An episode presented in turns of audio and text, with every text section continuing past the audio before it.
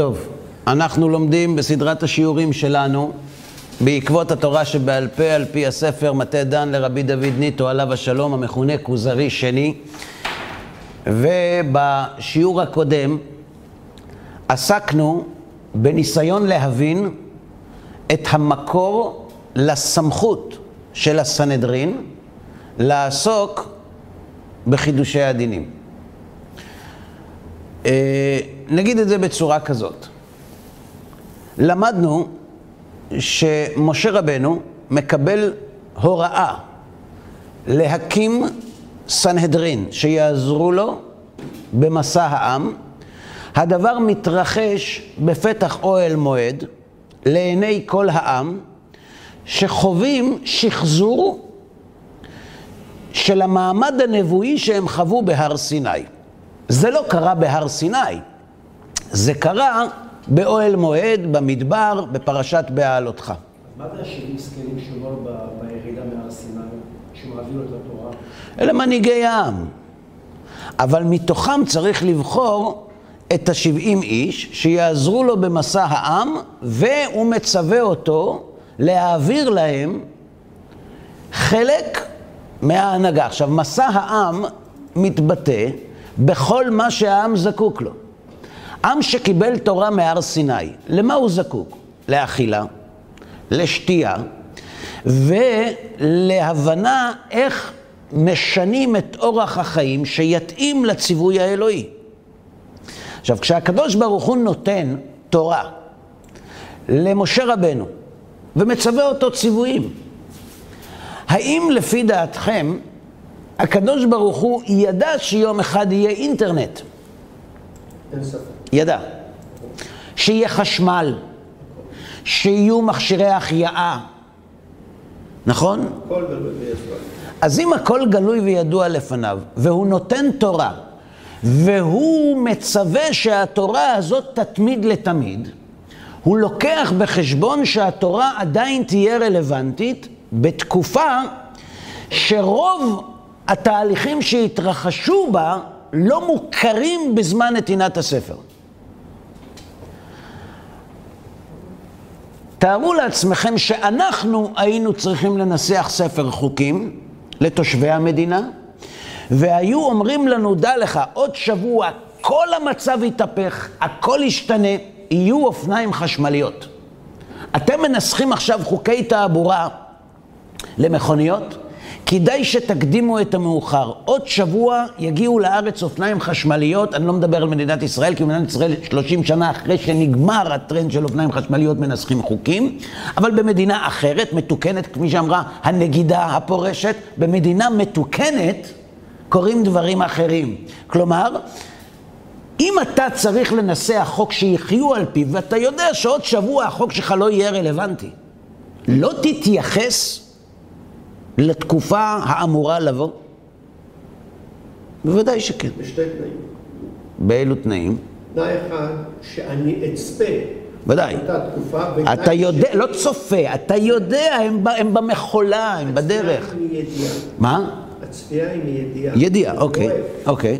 התנאי השני הוא שאני אתאים לאותה תקופה שיהיו בני אדם שיתאימו בדיוק את אותם חוקים שנראים היום. מצוין. זאת אומרת, יש לי חוקים שאני רוצה שיקיימו תמיד, ואני יודע שהמצב עומד להשתנות. האם אני אתייחס? יפה. אז אם אנחנו בני אדם שרק צופים ולא יודעים בוודאות, כי יכולות לטבוע, לטבוע הספינות בים, ולכן אנחנו צופים פני העתיד ומכינים עצמנו, הקדוש ברוך הוא יתברך ויתעלה, שהוא נותן תורה, הוא רוצה שנקיים אותה, והוא לא יודע שעוד שבוע, אצלו במחשבה העתיד מקופל ומונח בהווה. כלומר, כשהקדוש ברוך הוא נותן תורה מבחינת האלוה, התורה הזאת ניתנת בו זמנית, במדבר ובתקופת האינטרנט. האם יש לצפות שהאלוה יתייחס לתקופה שבה נשתמש בחשמל? יפה. זה לא קורה, כי הוא לא מתייחס. השאלה איך הוא כן מתייחס. הוא מצווה את משה רבנו, כי יפלא ממך דבר למשפט, תבוא תקופה שיתרחשו כל מיני דברים ותהיינה התפתחויות, והנתונים שאני נותן לך עכשיו לא יהיו מספיקים כדי לדעת איך להתנהל מול החידושים הטכנולוגיים של אותה תקופה. לכן, אני ממנה אותך למנות לעיני כל העם קבוצה של אנשים שייסעו במסע העם, וכל הדבר הקשה יביאום אליהם. זה התנאי השני.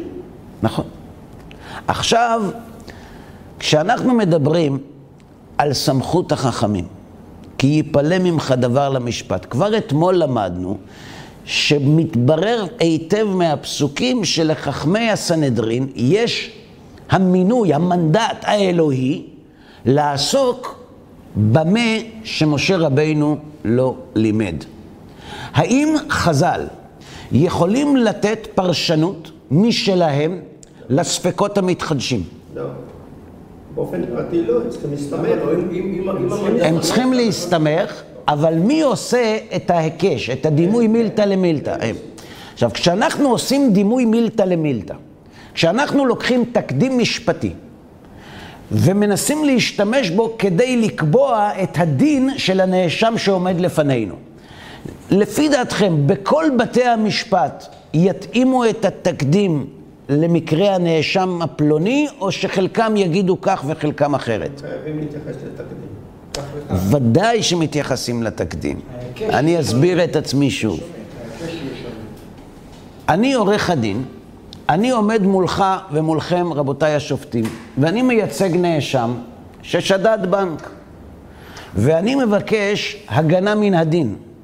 הגנה מן הדין פירושה לא ייתכן שיהיה מקובל לתת לכולם עונשים קלים, ודווקא לנאשם הזה אתם תתנהגו שלא בצדק. הגנה מן הדין.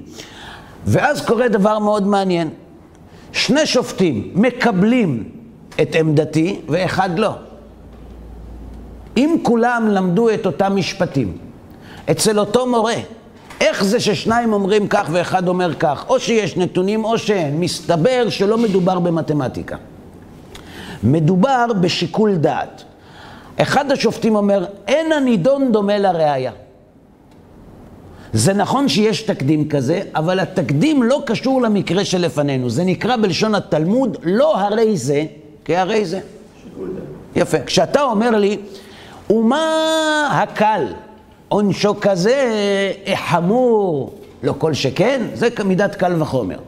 מגיע זה שפורך את קל וחומר, ואומר, לא, הקל הוא אמנם קל בדבר זה, אבל הוא חמור לאין שיעור בדבר אחר מן החמור שהבאת. ולכן, מן הצד החמור שבקל, אנחנו מחמירים בקל למרות שהוא קל יותר.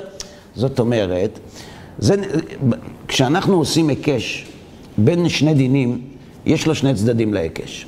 אחד זה הצד השווה, ואחד זה לא הרי זה כהרי זה. מה המכנה המשותף, ומה הייחודי לכל צד וצד. עכשיו, מי קובע מה המשקל של הצד השווה מול המנוגד? זה ששוקל. זה שיקול הדעת. כלומר, שיקול הדעת של חכם במושב הסנהדרין יכול להוביל אותו להתייחס לטיעון שמעלים חבריו הדיינים ולומר, לא הרי זה כהרי זה. ואז הדין יצא שונה. אז נכון שיש תקדים, חכמי ישראל לא יכולים להמציא הלכות חדשות ולהגיד שמותר לאכול חלב, או שאסור לאכול שומן. אבל חז"ל יש להם כוח עצום ביד, על פי תקדימים משפטיים שניתנו ממשה וי"ג מידות שהתורה נדרשת בהם, לחדש חידושים והלכות שלא ניתנו ממשה על סמך התקדימים והכלים שהוא נתן להם. נכון. וזה כוח עצום. והכוח הזה מעוגן בחוק האלוהי ומופיע בתורה. אז איך מתמודדים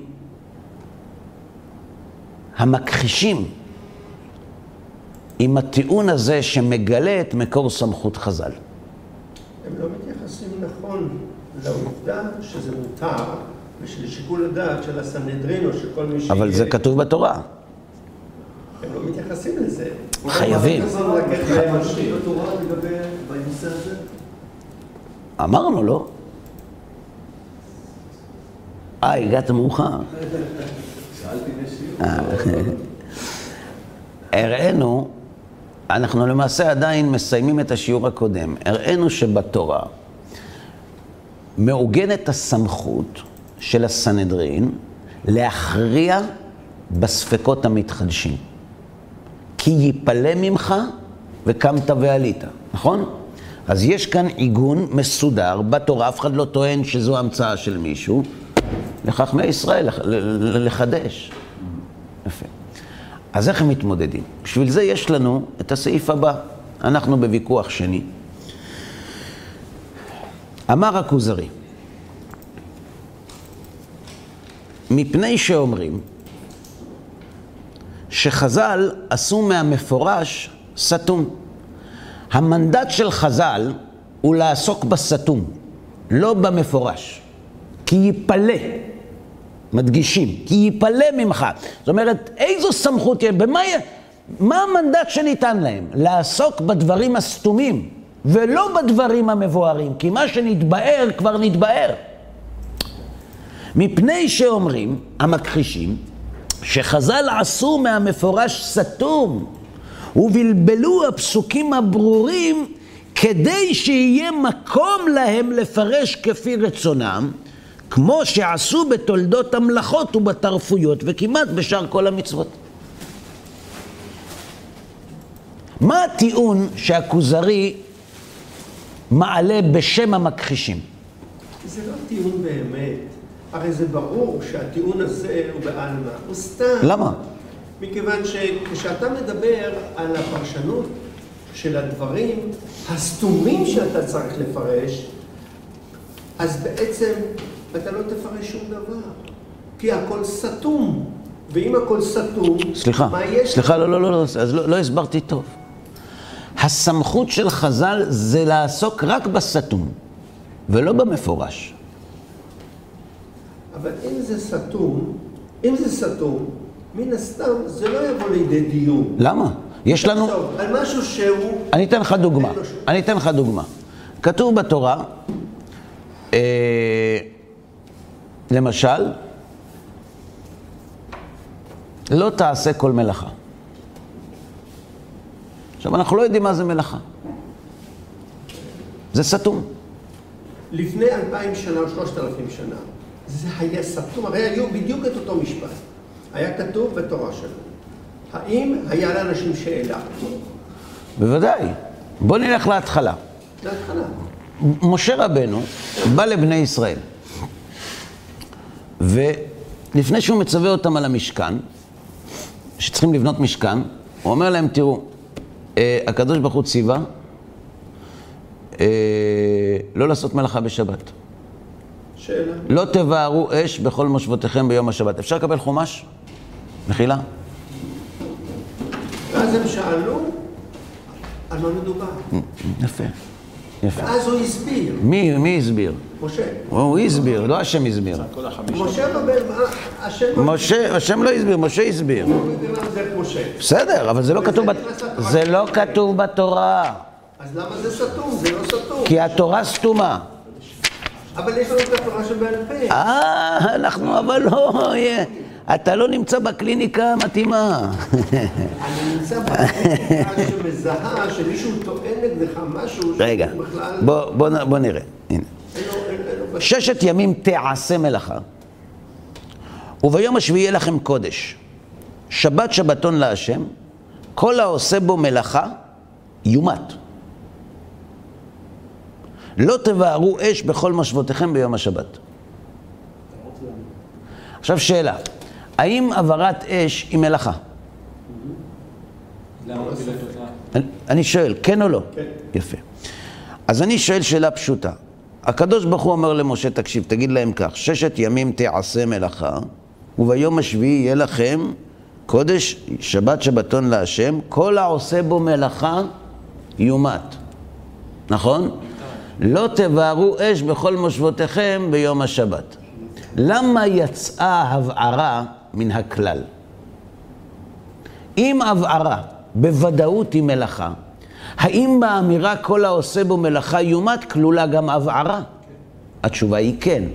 יצאה ההבערה מכלל כל המלאכות. מדוע? לא כתוב. זה דבר סתום. איך אנחנו יודעים מה לעשות עם זה עכשיו? אבל הם מורידים את הרגליים של עצמם. כי אם... עזוב אותם. אני קודם כל רוצה להסביר מה זה סתום. יש בתורה סתום, ועל הסתום מסכימים כולם שיש סמכות בידי חכמים לבאר, ובתנאי שהם חברי סנהדרין. על זה אין ויכוח. כי זה כתוב במפורש בתורה והם לא יכולים להתכחש לזה. אז איך הם מצד אחד מגבים את הסמכות שניתנה לחז"ל, ומצד שני טוענים שחז"ל נתנו, נטלו לעצמם סמכות? הם אומרים, בג"ץ. נכון, ניתנה לו סמכות, אבל הוא נתן לה פרשנות כל כך רחבה, שהכל שפיט והכל בגיץ. וכל העולם משפט. וזו סמכות שטוענים חלק מהאזרחים, נטל לעצמו בית המשפט העליון, שלא ביושר, שלא בצדק. לא לכך התכוון המחוקק. אותו דבר אומרים המכחישים. זה נכון שיש סמכות לחז"ל לעסוק בספקות. נכון, אבל יש דברים ברורים. אז חז"ל ראו את השררה. זה כוח. אתה אומר, אנשים עושים. משפט מעל הכל. זה כוח אדיר. אנשים חושבים שראש ממשלה יש כוח ביד. אתם יודעים מה זה שופט? ולא שופט אה, שלום, שופט. שופט עליון, זה כוח. אני הולך לקבוע עבור המדינה 250 מיליון איש, 300 מיליון איש. מה מותר ומה אסור. זו הרגשה שאפשר להתמכר אליה. וזה גרם לחכמים, כך הם טוענים, לא להסתפק במועט שנתנו להם, ולהגיד, אנחנו עוסקים רק בספקות. זה נכון, אבל שום דבר לא ברור. אז אנחנו עוסקים בהכל. זו טענת המכחישים. אם זה ככה, אז תקבלו, אז רגע, אני... אתם הבנתם טענת המכחישים כי הם לא נמצאים פה. כן? יפה. עכשיו, מה אתם רוצים? איפה המכחישים, איפה שמים את הגבול בין מה הם טוענים שחז"ל קיבלו ומה הם לא קיבלו? הם טוענים, כבר למדנו בוויכוח הראשון, שמקצת מן המצוות אינן מבוארות, ומקצת מן המסורת שבידי חכמים היא נכונה. למה הם אומרים רק מקצת? כי הם אומרים שרוב המצוות מבוארות. צריך קצת להפעיל את השכל ולהבין. אנחנו טענו כנגדם בוויכוח הראשון, שאם אתה קצת מתעמק בכתוב, אתה מגלה בלי דווקנות יתרה, שכמעט שום מצווה לא מבוארת, ואפילו המצוות הכי מבוארות, כמו לא תתחתן בם, כמו שלמדנו, ושאר מצוות, הן לא מבוארות כלל. אבל נניח את זה רגע לצד. כשאנחנו מראים כאן שיש ציווי מפורש בתורה למנות סנהדרין, שייסעו במסע העם וישפטו בין הניצים ויכריעו בספקות. אני, אני חושב שיש לנו פה... יש כאן קושייה. למה הקראים מכחישים את הסמכות של חז"ל? תשובה, הם לא מכחישים. הם אומרים שהיא מאוד מוגבלת, והם הרחיבו אותה. הם הרחיבו אותה, אבל הם בסך הכל יורים לעצמם בראש. בראש זה לא טוב, כי אם הם יראו לעצמם בראש, אנחנו יכולים להפסיק את הספר, ברגל. לא, הספר הוא להסביר למה הם יורים לעצמם בראש. טוב, דבר. בואו נראה, העולם הזה, כפי שהיה לפני 3,500 שנה וכפי שהיום, הוא אותו דבר אבל שונה. העולם שונה לגמרי, האדם אותו אדם. זה אותו דבר, העולם זה אדם. טוב. וכשאנחנו מתעלמים מההבדל בין אותה תקופה לתקופה הזאת, ואנחנו מניחים שבעצם נשארנו באותו זמן, מבחינת הזמן, שם, שזה היה ברור, כיוון שמשה הסביר לכולם, הרי שהיום כל הסוגיות האלו לכאורה כאילו נפתחו מחדש, מכיוון שהתנאים החברתיים והכל השתנה. ולכן כמעט כל סוגיה יכולה לעמוד במסגרת של סתומה בהתייחס למה שהוסבר אז לעומת היום. ואת זה הקראים מתעלמים מההבדל הזה. ולכן, ככל שאנחנו מתקדמים, אם היינו נשארים עם אותן תובנות של אז, הם היו מעלים סוגיה אחרת, להגיד, רגע, אנחנו בכלל לא, אנחנו לא שם, אנחנו היום פה, יש מכוניות, יש אינטרנט. אני מבקש לא לסכם את דבריך במשפט אחד. אם הטענה של המכחישים זה שלחז"ל מותר לעסוק רק בסתום, ואם הסתום לטענתם הוא מצומצם, זה יכול להיות נכון אם התקופה היום הייתה זהה לתקופה העתיקה. אבל כיוון שהתקופה השתנתה ונתחדשו דברים, אז כל המבואר של העבר הוא סתום היום. ואם הוא סתום היום, יש הרי סמכות לחכמים לעסוק בסתום, ולכן חכמים יכולים לעסוק בהכל. זו טענתך. נכון. זו טענה, זו טענה שצריך להתמודד איתה, נכון? יש דרך להתמודד איתה, אבל היא טענה שיש לה מקום. כי באמת דברים השתנו. אז מה שהיה ברור, לא תבערו אש, וכולם לפני אלף שנה ידעו מה זה אש. היום כשאתה מדבר על אש, אתה כבר לא ממש סגור על זה. תגיד, להתניע רכב, זה אש? זה נכון שאין עשן בלי אש, אבל אני לא מדליק אש, אני מדליק מנוע. במנוע יש אש. מתחיל חשמל בשבת, האם מותר להשתמש או אסור? מתי נקבע מותו של האדם בעידן הרפואה המודרנית? הרבה מאוד שאלות חדשות שהן חתומות ולא היו קיימות בעבר. יפה מאוד. זו הטענה שטענו בעקיפין בתחילת השיעור. אם הקדוש ברוך הוא נותן סמכות לחכמים לעסוק ולהתאים את התורה, או יותר נכון את המציאות לתורה, הרי ברור שהסמכות שלהם רחבה מאוד. אבל המכחישים לא מקבלים את הטיעון הזה, והם אומרים, גם היום אסור להדליק אש בשבת, וגם פעם היה אסור להדליק אש בשבת, וחשמל זה לא אש, ולכן ברור שמותר להדליק חשמל בשבת. ככה הם אומרים. אבל הם אומרים זו פרשנות מבוארת, חפיסו באורייתא שפיר, זה פשוט שזה ככה. עכשיו, המושג פשוט הוא מושג מאוד יחסי. פשוט למי? נתקדם. כרגע החבר מתמודד עם טענה שאומנם, זה נקרא מודה במקצת, אומנם יש סמכות לחכמים לעסוק בספקות, אבל אין להם סמכות לעסוק בכל מה שהם נטלו לעצמם, כי רוב המצוות מבוארות. בסדר? איך מתמודדים עם טענה כזאת? עכשיו, האמת שהוויכוח הראשון מספיק. כי ברגע שאתה מוכיח שאין מצוות בתורה שאפשר להבין איך מקיימים אותם בלי פירוש, אתה בעצם מבטל ושומט את הקרקע מהטענה הקראית בדבר הסמכות הרחבה שנטלו לעצמם החכמים. אז למה הוא לא חוזר לוויכוח הראשון? כי הספר הזה נכתב לבני אדם. ואם האדם ממשיך לשאול אחרי הוויכוח הראשון שאלות, זה אומר שלא נחה דעתו מן הטיעון הראשון, והוא זקוק לביאור מזווית אחרת. הוא הכניס פה משהו אחר. רגע, הוא עוד לא הכניס. הוא הכניס. מה הוא הכניס? עוד לא התחלנו. אבל כבודו הקריא משפט, כן. שהוא אמר שהן לא ברורות. ש... ש... שזה לא ברור. הקראים טוענים שזה לא ברור. אז אם הכוזרי כרגע... בלתי... זה... אני אקרא שוב מחילה. שאומרים שחז"ל עשו מהמפורש סתום ובלבלו הפסוקים הברורים כדי שיהיה להם מקום לפרש כפי רצונם. כמו שעשו בתולדות המלאכות שלמדנו עליהן בשיעור הקודם ובתרפויות שלמדנו עליהן בשיעור הקודם. יש פסוק מפורש, בשר בשדה טרפה לא תאכלו, לכלב תשליכון אותו. פשוט מאוד, חיה שנטרפה, אסור לאכול, תן אותה לכלב. באים חכמים, אומרים לך, מה פתאום, טרפה זה לא רק זה.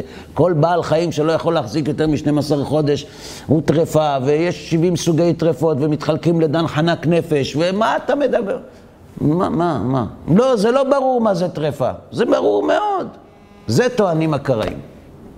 נטלו לעצמם סמכות, אמרו טרפה, לא ידוע מה זה, אנחנו נסביר. ותראה מה יצא להם. איך מתמודדים עם הטענה הזאת? אז אמרנו שכיוון שבאמת מי שלומד את הוויכוח הראשון בעיון מבין בשר בשדה טרפה מבוסס על הנחת יסוד שאנחנו יודעים מה זה טרפה.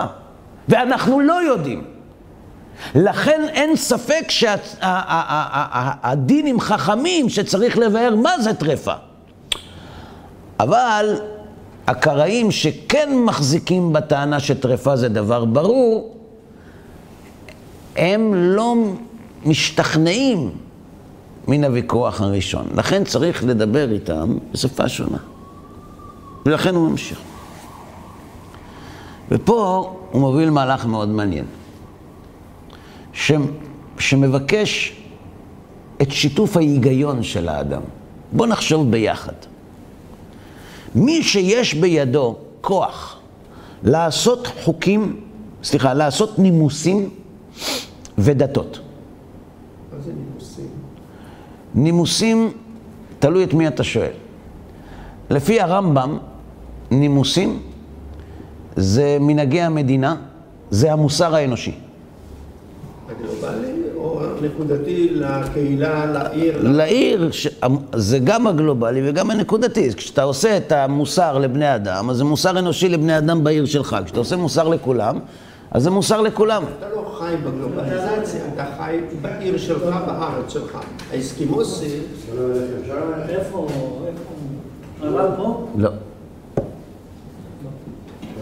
לאסקימוסי יש כן. נימוסים אחרים, כן. ולברומסי יש נימוסים אחרים. אז הנימוסים של הבורמזים הם נימוסים בורמזיים, והנימוסים של הפנמים, הם... זה לא משנה. נימוסים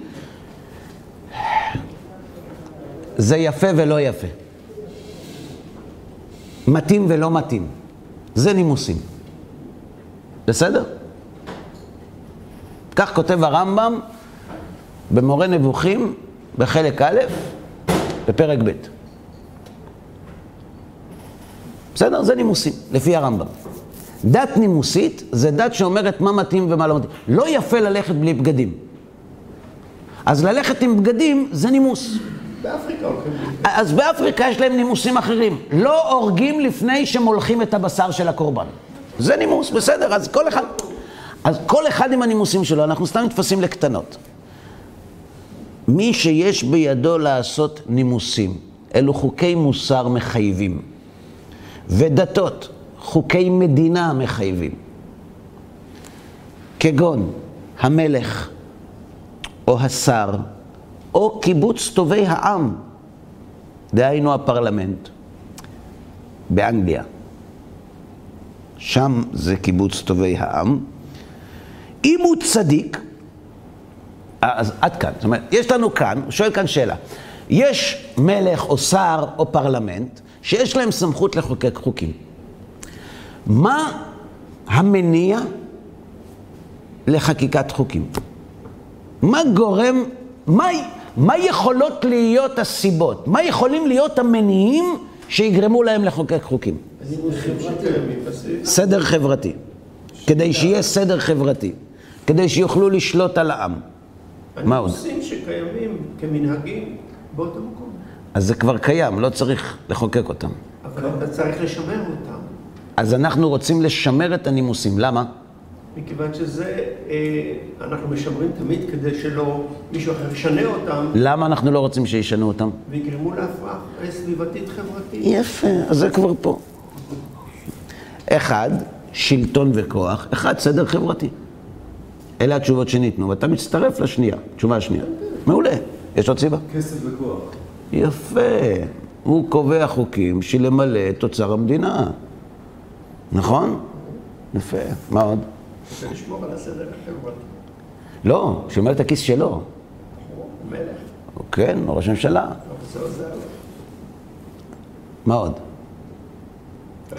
אז עד עכשיו הבנו שיש שלוש... אידיאולוגיה. מה אידיאולוגיה?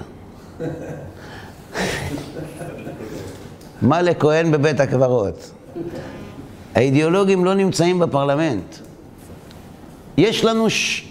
שלושה מניעים לחקיקת חוקים על ידי בני אדם. או אחד, שהוא מעל כולם, או אחד שקיבל מינוי מזה שמעל כולם, או ציבור שקיבל סמכות מאלה שתחת כולם לקבוע מה יהיה איתם, נכון? מי שיש בידו כוח לעשות נימוסים ודתות, כגון מלך או השר או קיבוץ טובי העם, אם הוא צדיק וישר ודורש טוב לעמו, אם המלך הזה או השר או הפרלמנט מחפשים את טובת העם, לא ישים מגמת פני נימוסיו, התכלית של חקיקת החוקים, מה יהיה נגד עיניו? הנעת עמו וטובתו. תועלת הציבור ששלח אותו, או שכפוף אליו, או שהוא מולך עליו. כדי לשמור גופם וממונם. נכון? זה נקרא מלך טוב. זה נקרא מנהיג טוב, שר טוב, ממשלה טובה, שמבקשת להיטיב עם העם, שהחוקים שהיא מחוקקת זה לתועלת העם ולא לתועלת הטייקונים. אלא אם כן הטייקונים זה העם. נכון? כמו שהיה פעם מישהו שרצה להיות ראש ממשלה, וכשהתברר שהעם לא רצה אותו, אז הוא אמר צריך להחליף את העם. העם טעה. אז המניע הראשון, זה די נדיר, כי השררה והשלטון, החמצן שם מאוד דליל. אבל זה אפשרי. זה אפשרי לרצות את טובת העם.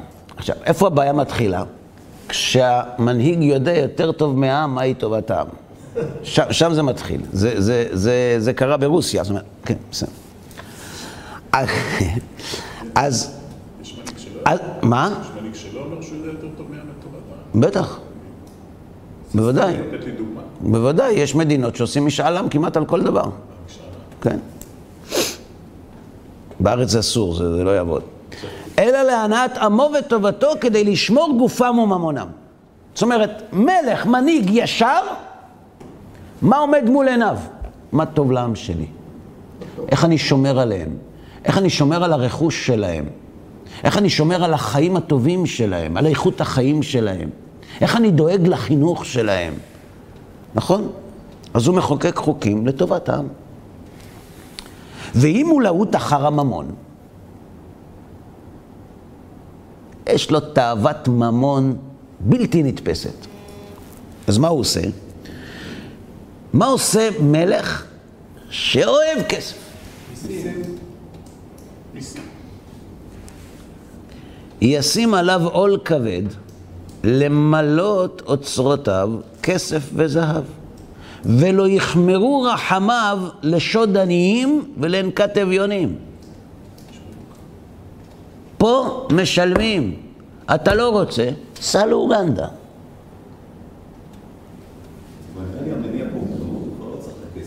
אה? זה כבוד וכוח נראה לי, כבר הכסף לא משחק אצלו. זה לא משנה למה הוא רוצה כסף. אנחנו לא לומדים מהר"ל. אנחנו מדברים על מלך שרוצה כסף. למה? בשביל מגזין פורבס. מה זה משנה למה? הוא רוצה כסף. ואם הוא צריך כסף, אז הציבור ישלם. למה? כי הציבור מטומטם. אך אם הוא בינוני, במידות, זאת אומרת, הוא לא פה, לא שם. ישים עליו מס באופן שלא יעדיף המרבה והממעיט לא יחסיר. הוא מצד אחד רוצה את טובת העם, זה נקרא מס פרוגרסיבי. הוא רוצה את טובת העם, אבל הוא גם רוצה כסף. אז הוא אומר, שמע, שוויון בנטל. שוויון בנטל. אבל הוא לעולם ברווח. נכון? קוראים לזה נשימה כלכלית ארוכה. אתה יכול להעלות מחירים, ותתפוס לך קדחת העשירות, אבל תוך שבוע, שבועיים יפתח לך מתחרה ממול, ימכור יותר בזול, אף אחד לא ייכנס אצלך. אז תרגיע אח שלי, וקצת פחות, לא 200 אחוז רווח, 50, זה גם טוב, ולאט לאט, לא למהר. גם אתה תרוויח, גם אנשים ירוויחו. בסדר?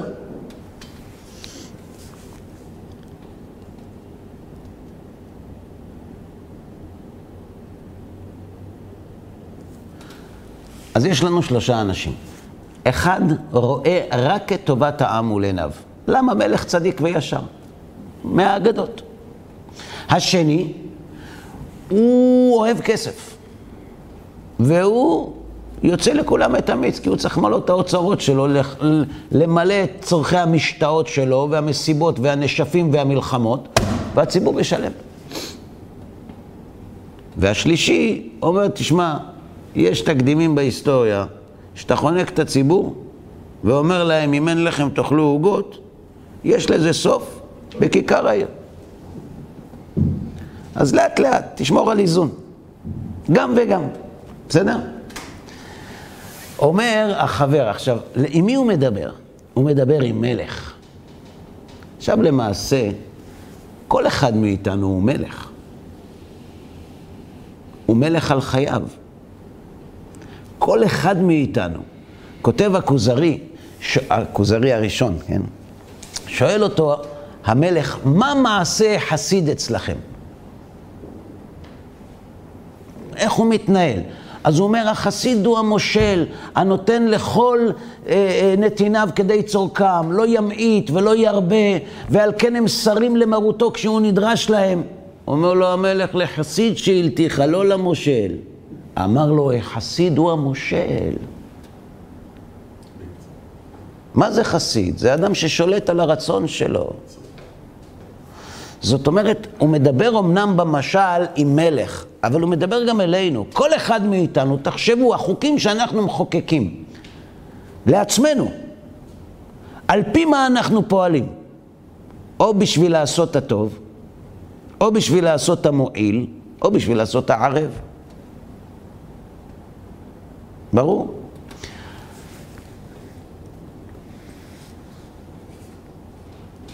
נמצא שהאחד יעשה טוב לעמו ולא לו. המלך הצדיק, למי הוא עושה טוב? מי, מי בראש מעייניו? העם שלו. והשני יעשה טוב לו ולא לעמו, כי הוא שודד אותו, נכון? והשלישי, הרוב לו והמיעוט לעמו, שנאמר, יאכלו ענבים וישבעו, והניחו יתרם לעולליהם, נכון? אבל יש מלך אחד שאיננו.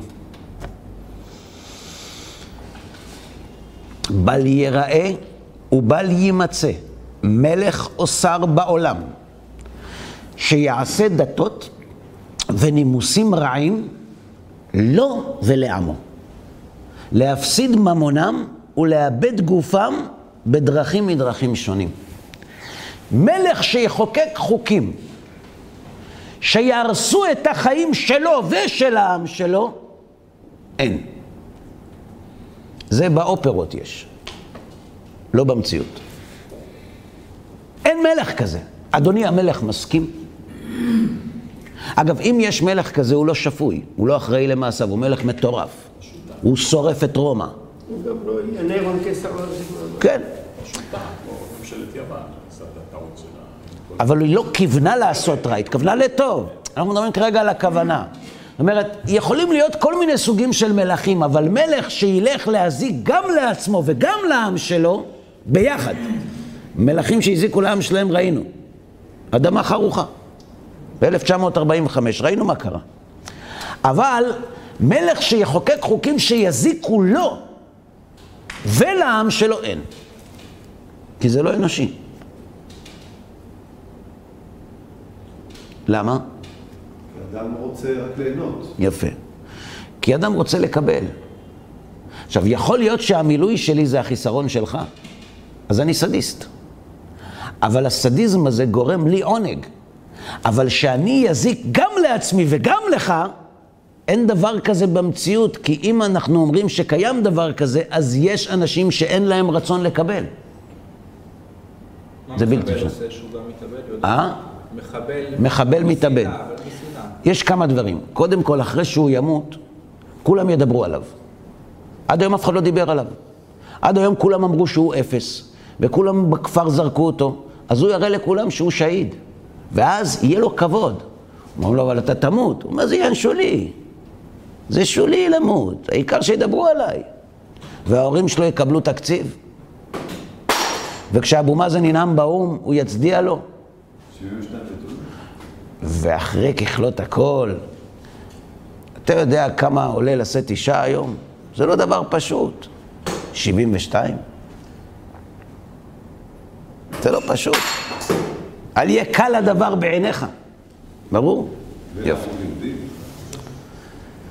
ברור, אבל אדם שיודע שלא מחכה לו כלום. אגב, נגיד משפט במאמר מוסגר, יש אנשים שעוזבים את העולם לא כי הם רוצים לעשות לעצמם רע, כי הם רוצים להפסיק אותו. אין אדם שעושה לעצמו רע. ואין מלך שיעשה רע גם לו וגם לעמו.